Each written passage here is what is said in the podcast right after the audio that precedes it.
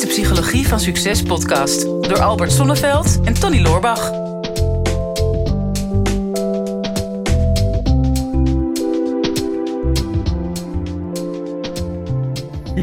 ja, ik, eh, Tony, eerlijk gezegd, ik heb al heel veel podcasts met jou uh, opgenomen. Meen je?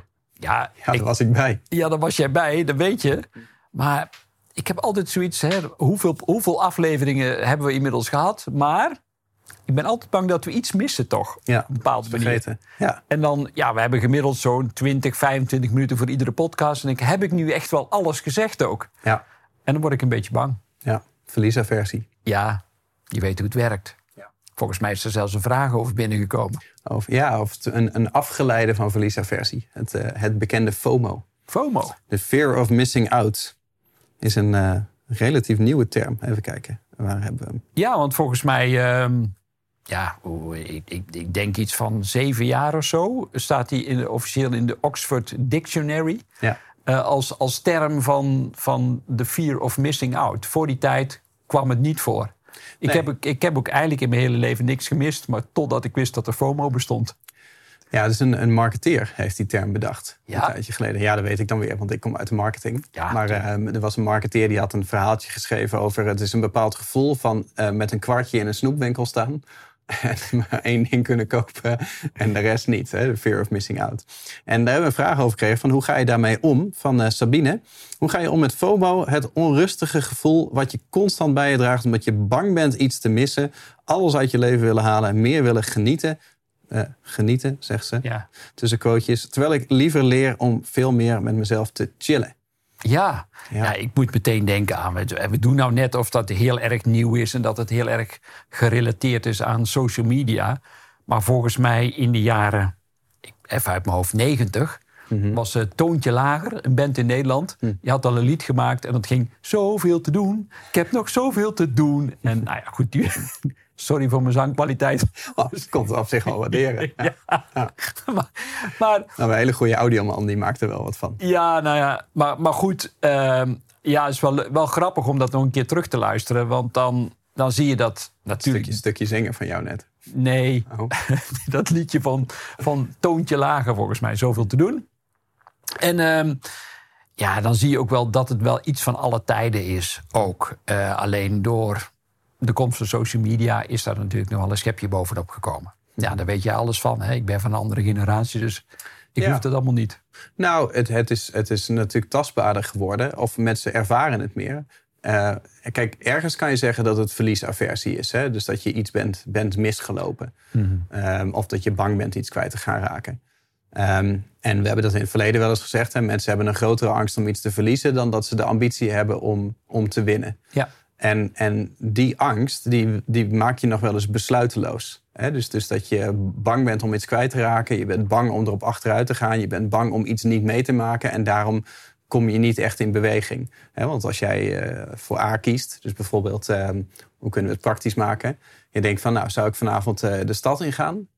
Of ehm, zal ik naar mijn vrienden toe gaan? Mm-hmm. Dan, ja, dan moet je een keuze maken. Ja. En, en daar zit een bepaalde verliesaversie bij. Want als jij de stad ingaat, dan win je weliswaar het uitgaan in de stad. Maar dan verlies je dat avondje met je vrienden.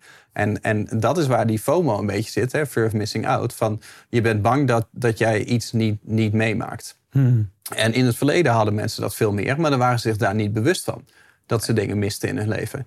He, dus als, als mensen een heel leuk feestje hadden gehad zonder jou, dan had je daar helemaal geen last van. Dat je dat gemist had. Totdat je erachter kwam dat het heel leuk was. Dan had je er last van. Alleen wat het nu is, is dat je ook door social media, denk ik, en ook wel de tijd waarin we leven, waarin er een hele hoge welvaart is, waar er een hele hoge mate van vrijheid is. Um, mensen hebben een heel hoog bewustzijn. Het gaat heel veel over de maakbaarheid van het leven.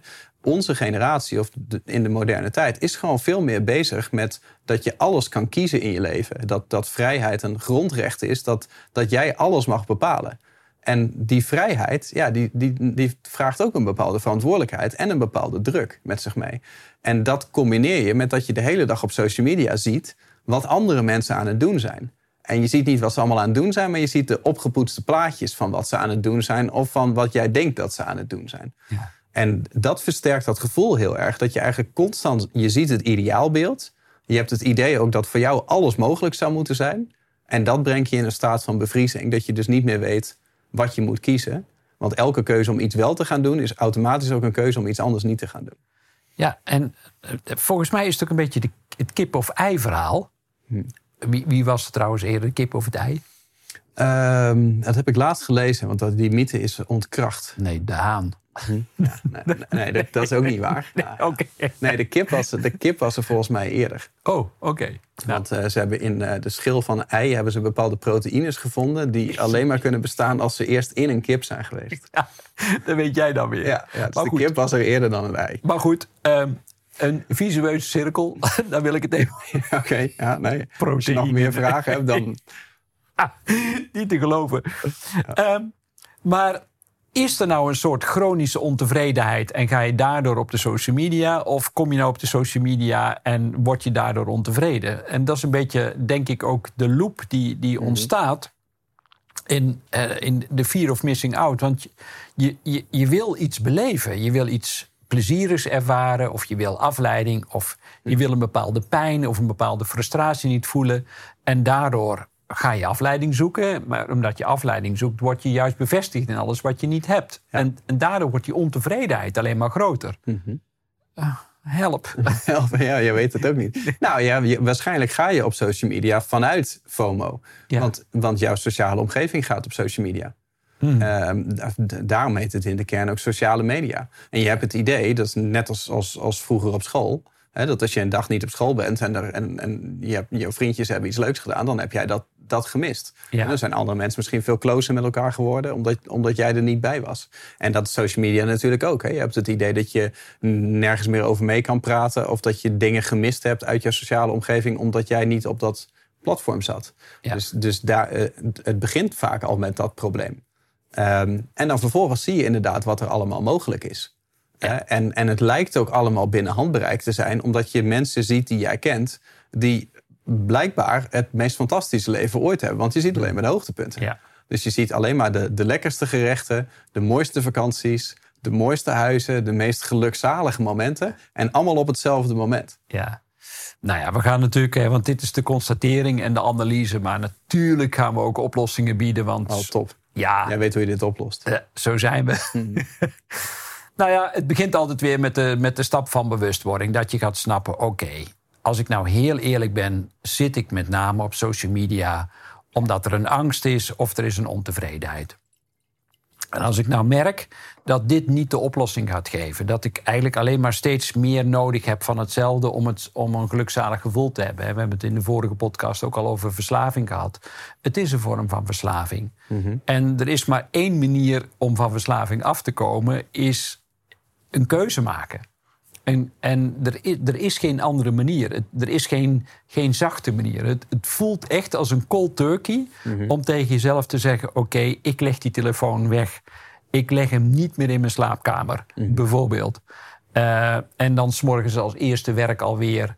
eh, in, in, mijn ogen zijn nog maar amper open en dan ga ik alweer op die telefoon zitten. En kom nou niet aan met die flauwe smoes van ja, ik heb geen wekker.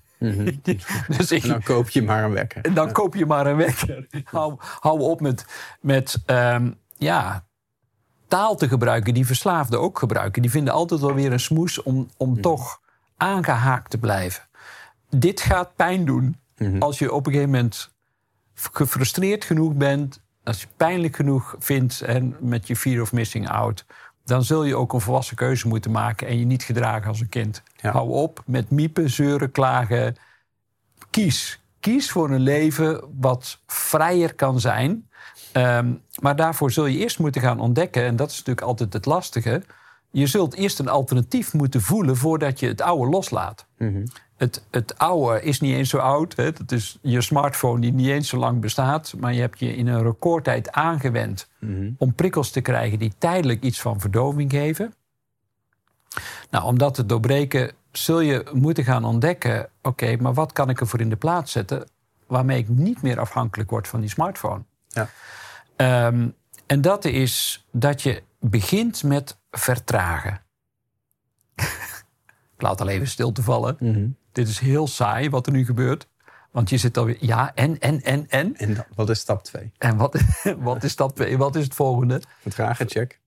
Vertragen. wat, wat doe je dan als je vertraagt? Nou, misschien eens om je heen kijken. En de tweede stap wordt misschien wel verwonderen. Wat is er nog meer wat nu al mooi is en wat nu al geweldig is, zonder dat ik een ideaal plaatje naar binnen moet slurpen via de smartphone? En dat is, ja, ik weet niet of, het je is opgevallen, maar deze zomer zijn er ongelooflijk veel wilde bloemen in de bermen. Eh, een paar jaar geleden gingen ze alles nog eh, snoeien en wegmaaien. Maar tegenwoordig, die, die overvloed aan kleuren die er nu is. Dan denk ik, wow, dat zie je pas op het moment dat je niet op je smartphone kijkt, bijvoorbeeld. Of maak eens connectie met je medemens zonder die smartphone. Hoe ziet die connectie er dan uit? Je kunt zeggen, ja, coronatijd, anderhalf meter afstand, bla bla bla bla bla. Maar dat kan nog steeds op een bepaalde manier. Ik, ik moet je zeggen, ook weer, hè, we doen weer de podcastopnames. Vanmorgen werd ik wakker en denk, oh leuk, ik ga de buitenwereld weer in. Ik ga weer, Weer naar buiten. ik mag weer naar buiten. Ik ga contact maken met Tony, dat is altijd een feest. Ik ga de mensen op kantoor weer ontmoeten. En ik, ik doe ook echt mijn, mijn, mijn best. Hè. Het klinkt een beetje zwaar, maar ik, ik, ik heb ook echt een heel sterk verlangen om, om echt contact te maken. Maar dan echt contact, niet het oppervlakkige contact. En nou ja, wij gaan al redelijk de diepte in met deze podcast. En onze voorgesprekjes en daarna is voor mij altijd een, een feest van ontmoeting. En op het moment dat ik ga ervaren hoe fijn dat het is, echt contact, dan, ja, dan krijg ik eigenlijk steeds meer een afkeer tegen het oppervlakkige contact. ik, ik, en en eh, of het nou eh, die, eh, de nieuwsites, hè, er, zit zoveel negativiteit op. Ik merk gewoon dat ik, dat ik steeds meer weerstand krijg om dat soort dingen te openen. Ja. Dus, en dat heeft te maken met dat ik veel meer voorkeur ga ervaren voor het pure en het echte leven. Ja. Nou, weet je wat, wat ik denk? FOMO. Dat het, dat het heel nauw verbonden is aan keuzestress.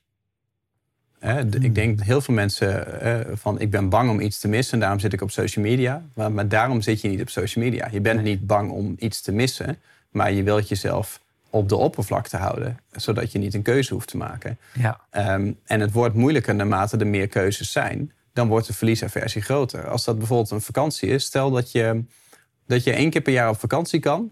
Meer tijd heb je niet, of je hebt daar een baan voor. En je hebt een, een bepaald eh, budget, wat maar eh, twee vakanties toelaat. Nou, dat is een re- redelijk makkelijke keuze. Ja. Maar als je dat vergelijkt met alle vakanties die er nu zijn, van ja, je kan naar eh, 300 landen vliegen als je zou willen, vanmiddag nog. Of bij wijze van, hè, nu dan even niet. Ehm, Ja. En dan op een gegeven moment denk je van ja, maar ik wil dan eigenlijk eh, alles combineren. Dus ik wil mooi weer naar het strand. En ik wil skiën en ik wil een stedentrip. En ik wil dat er een leuk uitgaansleven is. En, en ik wil graag rust in de natuur. En je wil alle mogelijke ervaringen die je allemaal hebt gezien. Die allemaal binnen handbereik zitten. Die wil je allemaal forceren in één. Omdat je niks wil verliezen. En er zit een extreme keuzestress. Want, want je moet iets opofferen van Ja. het ideaalbeeld. En omdat die keuze vaak te pijnlijk is, ga je maar weer op Airbnb en op sites en op social media en op hashtags ga je maar weer zitten rondkijken. En dat is met nieuws is dat bijvoorbeeld ook. Hè. Het, het is natuurlijk een bepaalde afleiding. En je kan jezelf voorhouden dat je niet iets wil missen. Maar eigenlijk heb je te maken met keuzestress in je, in je echte leven. Met hoe zou ik deze tijd het beste willen gaan besteden? Ja. Hè, En wij hadden het net, net in de pauze, eh, Ja. bij de koffiezetter hadden we het hier even over. Eh, dat ik jou vertelde over die boekenchallenge. Mhm. Van dat daar geen vrijheid zat in die zes weken. Want ik moest vier uur per dag lezen. En dat stond van tevoren al vast. Welke boeken ik ging lezen, in welke volgorde en op welke tijdstippen. En omdat er zeg maar geen vrijheid was, Ja. heb ik dat als een hele vrije periode ervaren. Want ja, ik werd dan 's ochtends wakker en dan dacht ik, nou, half zeven, ga ik snoezen? Eh, nee, kan niet, want dan haal ik mijn schema niet. Dus ik ga nu opstaan. Eh, Oké, opgestaan, ga ik trainen, ga ik lezen? Denk, nou, er is geen keuze, want er staat al vast dat ik ga lezen. Hoe lang ga ik lezen? Twee uur. Welk boek ga ik lezen? Ligt ook al vast. En omdat dat zo vast lag, had ik geen keuzestress. En had ik ook geen fear of missing out. Want als ik dan twee uur zat te lezen s ochtends, was ik niet bezig met social media. Nee. Maar als ik nu buiten die challenge om, om half zeven opsta, dan heb ik allemaal keuzes. Van, nou, ik kan gaan lezen, kan ook vanmiddag gaan lezen, kan gaan sporten, kan ook vanmiddag gaan sporten, kan ook even dit gaan doen, kan dat gaan doen. Op een gegeven moment open ik mijn telefoon en ga ik daar maar een beetje op zitten te scrollen. Want ik weet het niet, welke keuze ik moet maken. En dan ga ik mezelf maar afleiden en de oppervlakte houden om maar weer op die telefoon te gaan kijken. Ja, ja dus, dat is heel mooi wat je zegt. En dus eh, ik had het over het alternatief wat je mag gaan ontdekken. En dat begint dus met, met aandacht. Uh, ga richten op datgene wat echt vervullend voor je is. Uh, en nou, je had de aandacht op de Boeken Challenge. Uh, ik heb ervoor gekozen om de aandacht vooral te richten op de natuur, hè, want dat doet mij heel erg goed, of fysieke beweging. Mm maar daar vooral aandacht aan geven. En, en, ik zeg vaak: aandacht is een wettig betaalmiddel, mm. hè, of aandacht aan echte contacten. En dan, op het moment dat je dat gaat doen, dan selecteer je vanzelf uit. Mm. Want als je heel eerlijk bent en je voelt van wat is werkelijk vervullend in mijn leven, waar verlang ik naar? We hebben het ook wel eens gehad op ja, het verschil tussen wat wil je in je leven en wat heb je echt nodig. En als je wat je wil nu allemaal is gaat schrappen en vooral je gaat richten of aandacht gaat richten op dat wat je nodig hebt. Mhm. Eh, en dat is heel primair. Dat, dat, dat is vaak eventjes een, een goed gesprek met iemand. Uh, dat heb je nodig. Of even een moment van stilte. Dat is wat je nodig hebt. Daar zit jouw echte groei. Mhm. Ehm, en dat kan ook ja, best wel confronterend zijn. Dat je denkt, wow, ik zit hier in de stilte. Daarom liet ik net ook heel bewust even in de stilte vallen. Want stilte kan voor heel veel mensen ook ongemakkelijk zijn. Ik was met de dochter Emma op vakantie vorige week in, in, in Zuid-Frankrijk. En uh, ik was nog een dag uh, in mijn eentje naar de grotten gegaan. En Emma die bleef achter. En die had nog wat uh, werk gedaan voor Brein TV. En ik kreeg op een gegeven moment op de terugweg kreeg een telefoontje. Zegt, pap, bijna in paniek. Ik heb me verveeld. ik zeg ja, en bevalt het? Zegt ja, dat is ontzettend onwennig. En ik kan me ook zo voorstellen in die generatie van om, dat je altijd maar gewend bent aan prikkels, dat het echt afkicken is. Ja. En het was heerlijk om daar gewoon op een plek te zijn in de natuur waar geen prikkels zijn, of mhm. juist andere prikkels dan dat je gewend bent. Ja. En je daaraan over te geven en dat ook aandacht te gaan geven. Mhm. Dus als je eenmaal bent losgeweekt en die keuze hebt gemaakt om je los te weken van die smartphone. En dan besluit om aandacht te richten op datgene wat jou voedt, wat jou werkelijk helpt in het ontwikkelen van jouw persoonlijkheid of helpt in het geven van rust daar waar je werkelijk naar verlangt. Dan wordt het steeds makkelijker om, om de keuze te maken. Uh, uh, en precies wat je zegt, het is keuzestress. Mhm. Nou, en dan, dan begin je er langzaam maar zeker in te zakken. Dan, dan worden de periodes dat je met jezelf bent, die worden steeds groter.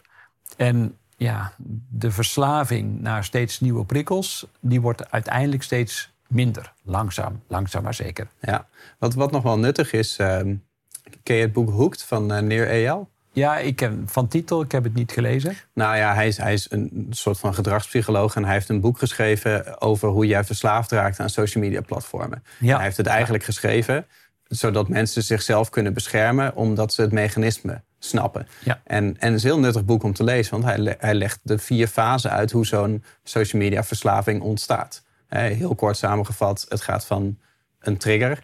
Een trigger is in eerste instantie extern, dus een uh, trill van je telefoon of een rood bolletje op je app-icoon is een externe trigger die jou aanzet om een actie te doen. Stap 2 is een actie. Je, je klikt dat app-icoon aan.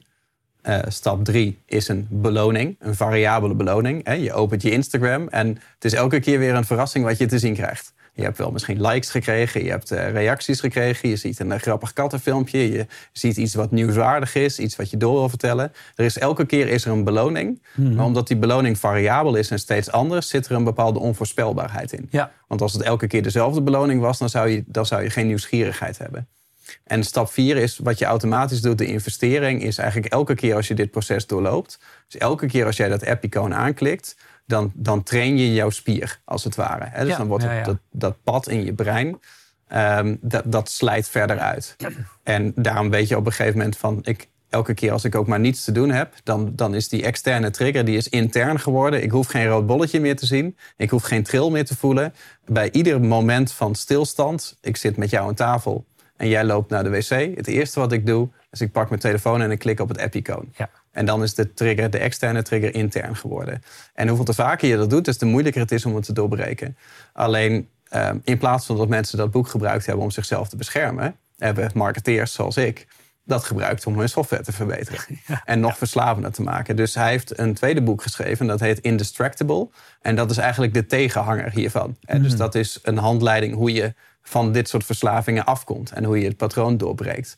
En ik vond het echt een heel goed boek. Ik heb het, toen, ik heb het ook meteen gekocht voor iedereen in mijn team toen. Dus het ook echt uitgedeeld. Omdat ik dit, dit moeten mensen gewoon lezen. En dat is misschien nog wel een interessante als je dit veel merkt. Of je wil gewoon dat proces doorbreken. Je wil die vier stappen terugdraaien dan, dan kun je dat boek Indestructible gaan lezen. Wauw, een mega goede tip zeg. Ja, ja, er zit toch nog een goede tip in. Ja, nou ja, ik, ik kan me voorstellen dat je na, na het luisteren van deze podcast het gevoel hebt van: Goh, ja, dit is zo interessant wat die jongens vertellen. Ik kan me niet voorstellen. en, en ik wil alle afleveringen luisteren, want ik wil niks missen. En sterker nog, dat je denkt van: wow, als dit al interessant is, hoe zal die volgende aflevering dan zijn? Misschien nog wel interessanter dan deze.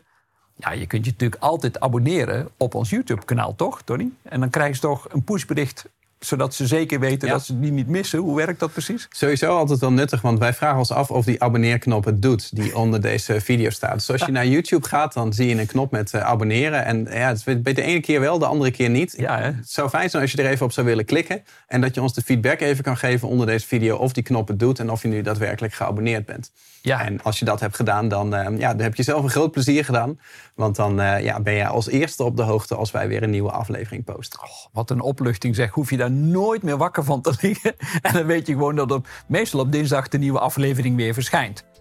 Mocht je daar nou zenuwachtig van worden en gestrest, dan hebben we op brein.tv ook nog de perfecte e-learning voor jou. Leven zonder stress bijvoorbeeld. En uh, daar willen we je graag helpen op het gebied van persoonlijke ontwikkeling. Dat en meer kun je zien na de reclame.